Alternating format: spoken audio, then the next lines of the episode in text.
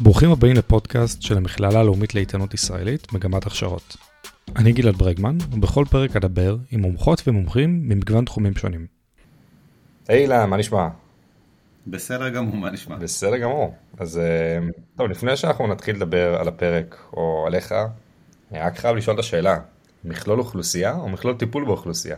מה מהם זה הנכון? כרגע מכלול אוכלוסייה, אה, צריך להודות שבעבר קראו לזה מכלול טיפול באוכלוסייה, היום קוראים לזה מכלול אוכלוסייה, מכלול הטיפול באוכלוסייה, אבל אה, אנחנו כרגע נהיה עם מכלול אוכלוסייה.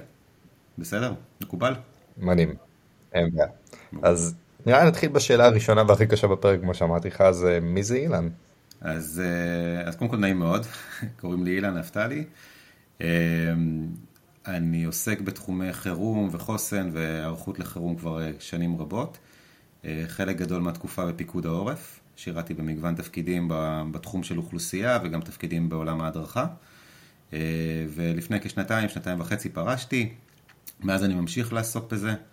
היום אני מנהל את קורס מנהלי מכלול אוכלוסייה, שזה בעצם הקורס, המכלול שעליו אנחנו מדברים. בנוסף אני גם קצת עצמאי וגם קצת מלמד בבית ספר. אבא, נשוי ליעל, אבא לארבע בנות אה, ובן אה, חמודים. אה, זה בגדול אני.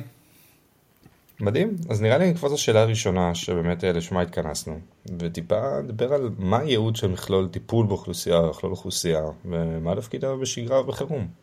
מבלי להיכנס עכשיו למונחים הכי טכניים והכי רשמיים ויש מנחה מסודר שאפשר להשתמש בו אבל בגדול מכלול אוכלוסייה כמו השם שלו המטרה שלו היא להסתכל על האוכלוסייה של הרשות, היא לטפל באוכלוסייה של הרשות.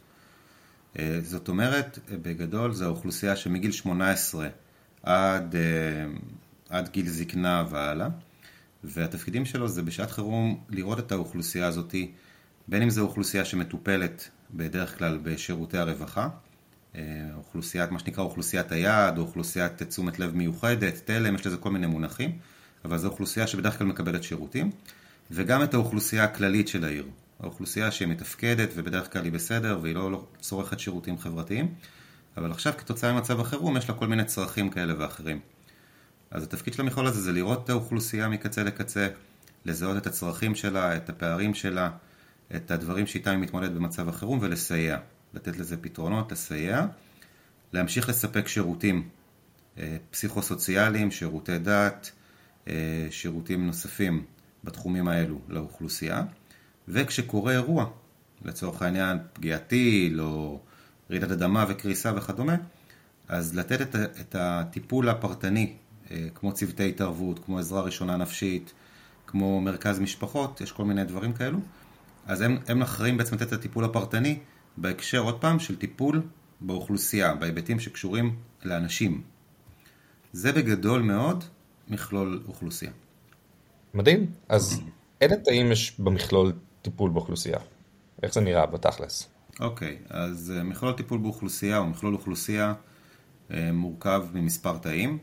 אה, התא הגדול והמרכזי זה נקרא תא רווחה, והוא בעצם נשען על שירות, השירותים החברתיים, מה שנקרא לשכת רווחה, היום קוראים לזה מחלקה לשירותים חברתיים או אגף לשירותים חברתיים, וזה תא גדול ומרכזי, זה תא רווחה, והוא באמת עוסק בטיפול ובמענה הפסיכוסוציאלי, מה שנקרא, בתמיכה הפסיכוסוציאלית גם באוכלוסייה המוכרת וגם ביתר האוכלוסייה. אז זה התא הראשון. התא השני אה, זה תא פסח, פינוי סעד חללים. אה, זה תא שבשגרה הוא לא כל כך קיים, אין גוף כזה בשגרה בעירייה, חוץ ממה שמתאמן ונערך, ובחירום הוא בעצם מוקם. וזה תא שעוסק כשמו כן הוא, בכל העולם של אה, פינוי וקליטה ובכל העולם של אה, מענה לחללים, זיהוי חללים וכדומה, אם יש אה, מצב של פגיעה רבה והרבה הרוגים.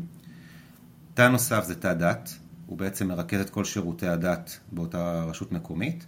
אם זה רשות יהודית, אז בדרך כלל זה הרבנות, תמיד זה הרבנות. אם זה רשות מעורבת או רשות שאיננה יהודית, אז בעצם זה גורמי הדת באותה רשות. והוא בעצם מרכז תחתיו את כל השירותים הדתיים וממשיך לספק שירותים בחירום, למרות מצב החירום. תא בריאות, שהוא בעצם אה, אה, מרכז את כל הנושא של בריאות בקהילה, קופות חולים, טיפות חלב, אה, הוא בעצם נמצא בקשר איתם, רואה שהם ממשיכים לתפקד, לספק שירותים לאוכלוסייה, נותן פתרונות אם יש בעיות כאלה ואחרות, והוא גם מרכז את הקשר מול משרד הבריאות מול העירייה. אלה התאים המרכזיים. בנוסף, יש תא שהוא קיים רק בסדר גודל של 40 רשויות במדינת ישראל, שנקרא תא קליטת עלייה, וזה ברשויות שיש בהן ריכוז מאוד מאוד גדול של עולים חדשים, מקימים בעצם גם תא שיש לו בעצם איזושהי זווית מבט והסתכלות אה, ממוקדת אה, בעולים החדשים. כמו שאמרתי, זה קיים בכ-40 רשויות, אז אנחנו אה, נשים אותו ככה במאמר מוסגר. אז אלה ארבעת התאים המרכזיים. עכשיו, סתם שאלה באמת בתור אחד שכבר, אפשר להגיד, מכיר את העורף לא מעט ומבין שיש הבדל בין הרשויות. זאת אומרת, רשות אה, חיפה או תל אביב, אפשר להגיד עיר, סליחה, זה לא דומה עכשיו ל... אפשר להגיד רשות או מועצה אזורית הרבה יותר קטנה. עכשיו, איך נראה הדבר הזה כן. במקום שהוא קצת פחות משאבים, אפשר להגיד? יש שתי רמות של הבדלים. אה, קודם כל, אתה אמרת נכון, יש הבדלים גדולים במדינת ישראל בין הרשויות. בין רשויות ענקיות וגדולות כמו חיפה, ירושלים, תל אביב, לבין רשויות בינוניות, לבין רשויות ממש קטנות. ומועצות אזוריות זה נראה אחרת לגמרי מעיר. המודל הזה שדיברתי עליו הוא מודל עקרוני. הוא מופיע במנחה, הוא מופיע בתיק אב לרשות, והוא באמת אה, אה, רואה מול עיניו עיר גדולה. עם, עם מספיק כוח אדם ועם מספיק משאבים. ועם גם היקפים של צרכים שהם מתאימים. אז אנחנו רואים בהרבה רשויות התאמות, אנחנו רואים שינויים קטנים. צריך לזכור גם בסופו של דבר שהאחריות והסמכות לקבל החלטה היא של ראש עיר.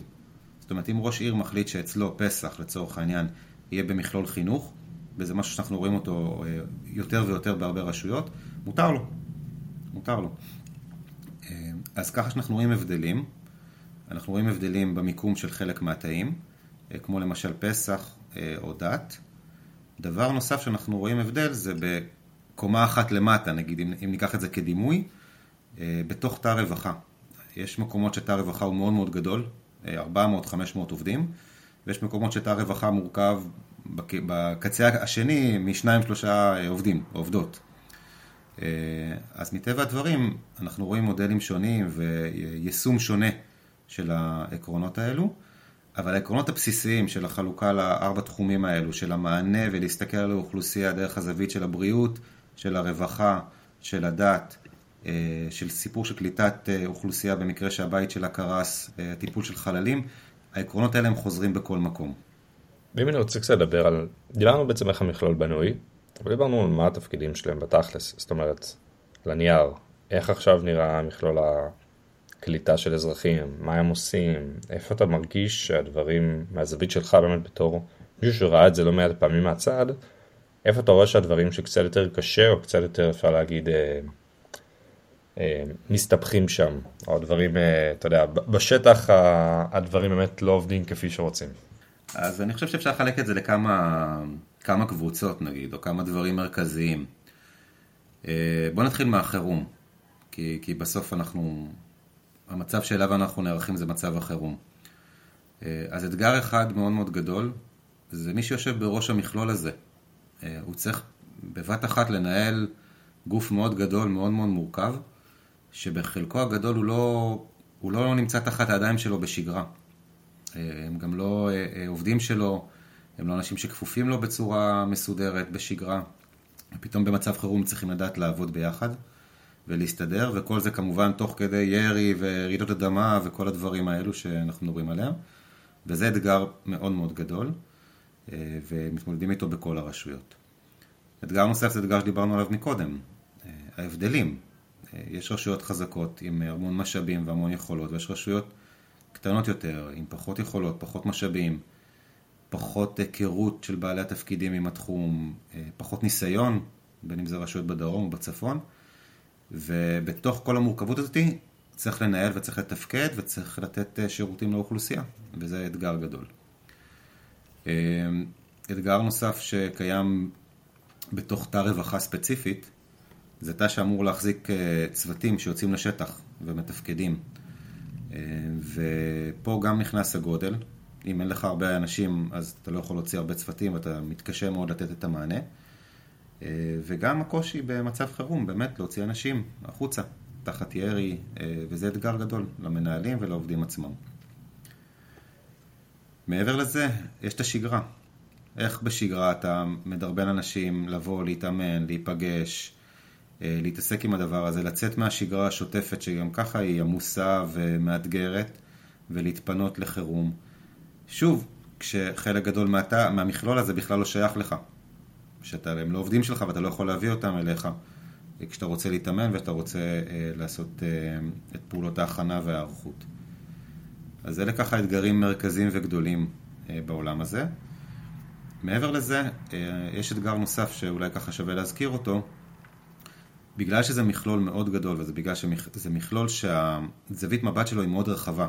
הוא בעצם מסתכל על כל האוכלוסייה של העיר.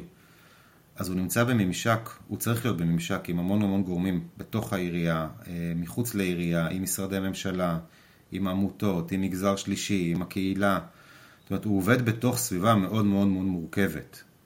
אה, והוא צריך לדעת לתפקד טוב בתוך הסביבה המורכבת הזאת, ליצור שיתופי פעולה, אה, ליצור חיבורים, לדעת לרתום כל מיני אנשים שלפעמים לא רוצים לשבת ביחד, או לא תמיד יש להם אותם אינטרסים ואותם אג'נדות ואותם הנחיות, אם זה משרדי ממשלה, וזה גם מהווה אתגר לא קטן עבור מי שמנהל את המכלול, מי שמנהל או מנהלת את המכלול.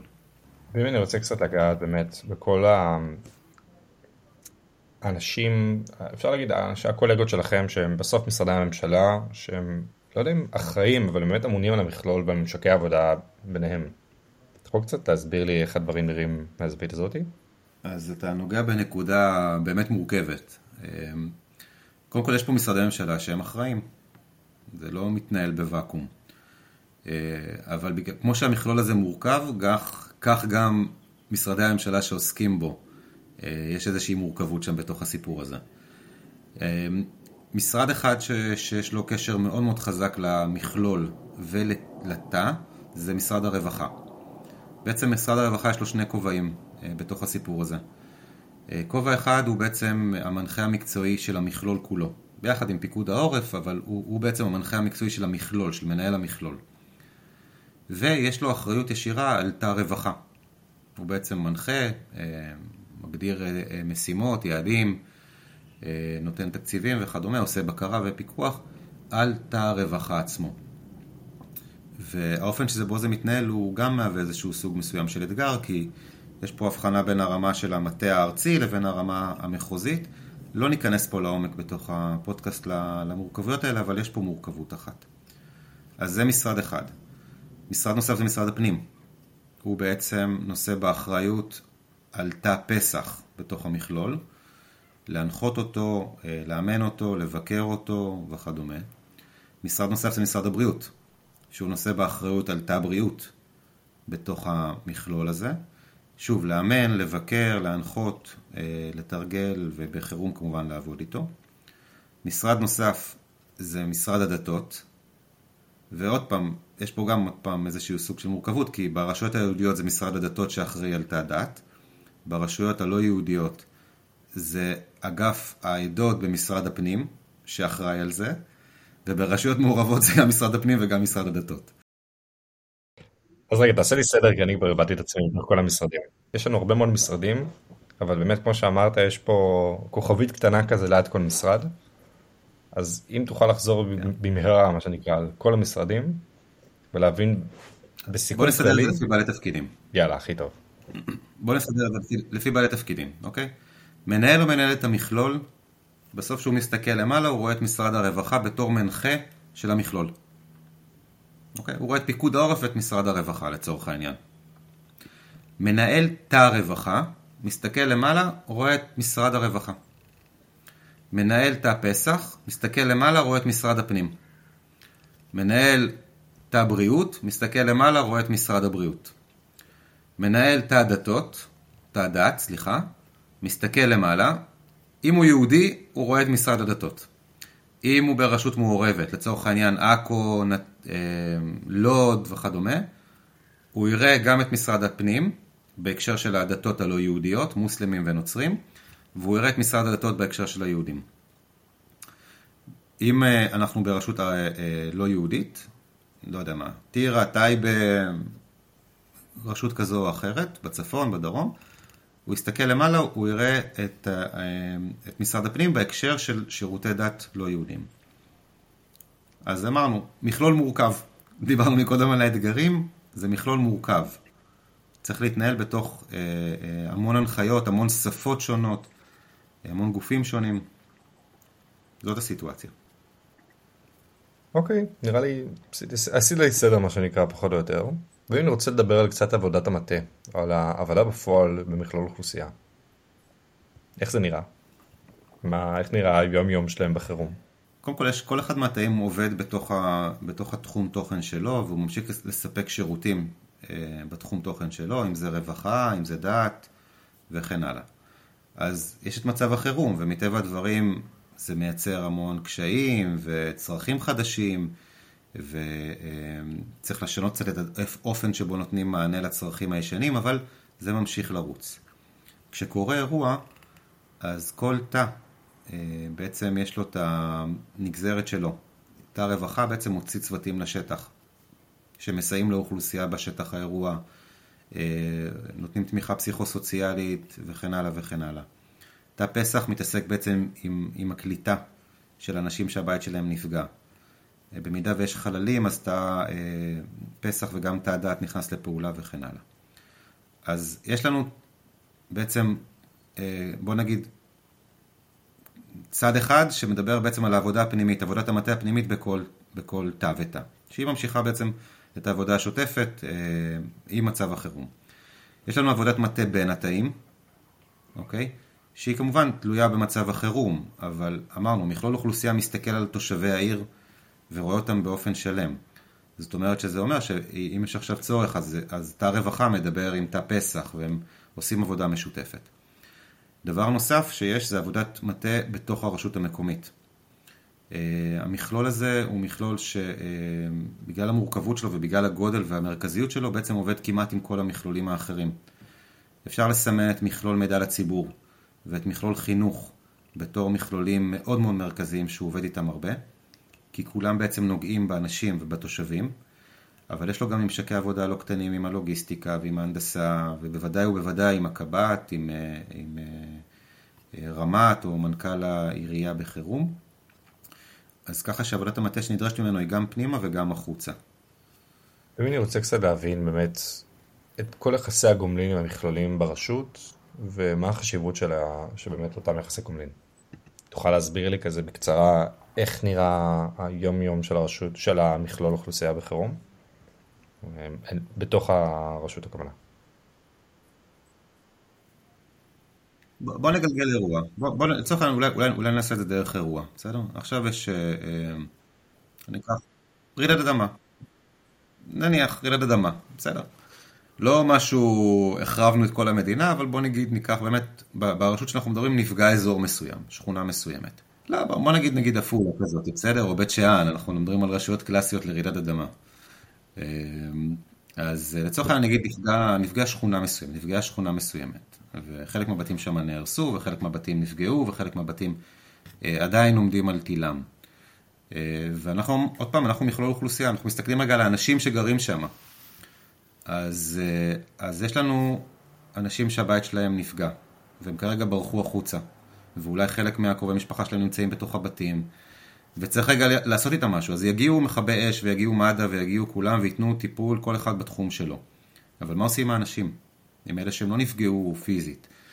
אה, איך עוזרים להם? איך מכילים אותם? איך עוזרים להם להתחיל להתארגן? אז יש פה את צוותי התערבות של הרווחה, של תא הרווחה.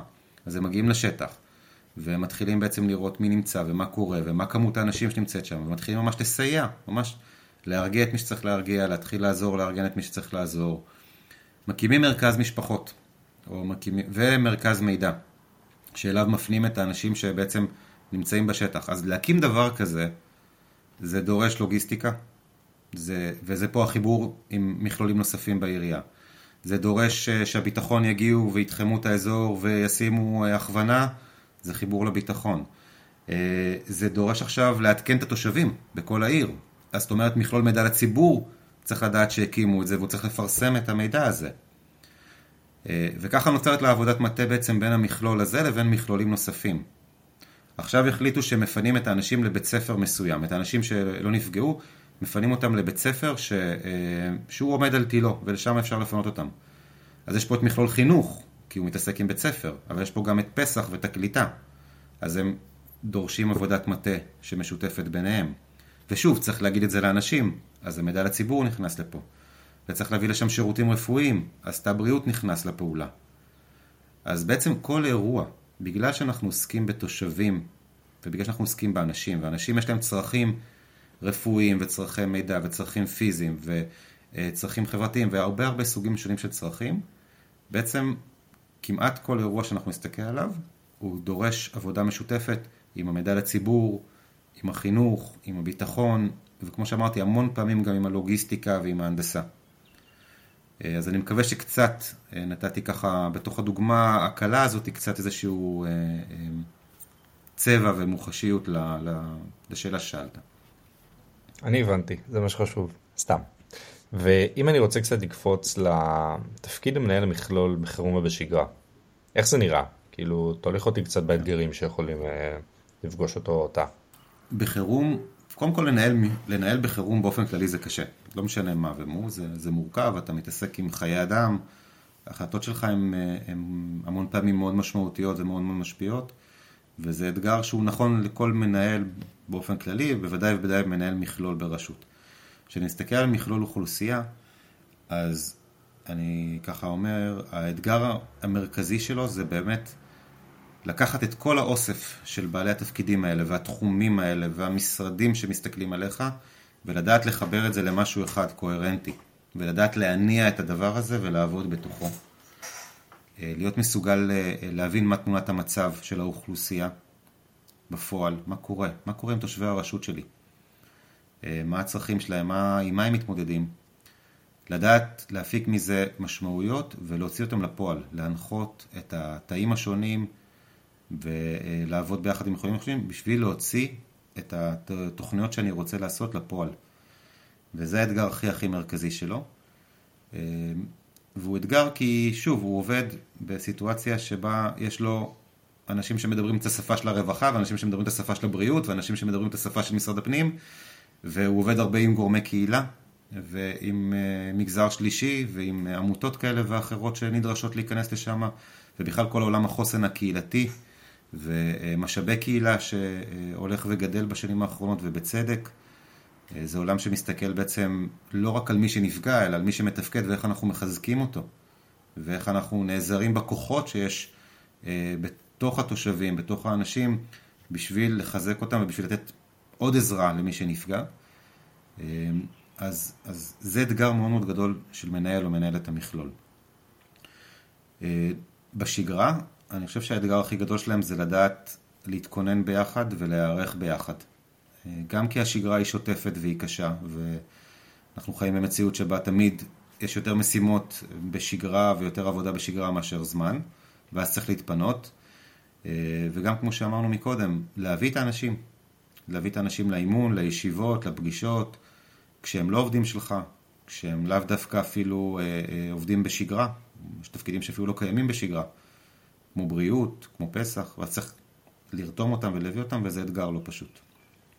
ואם אני רוצה לסיים באמת עם איך אתה רואה את התחום הזה בעתיד? זאת אומרת, איזה אתגרים או שינויים יהיו בעתיד שאפשר להתחיל לראות אותם כבר מהיום?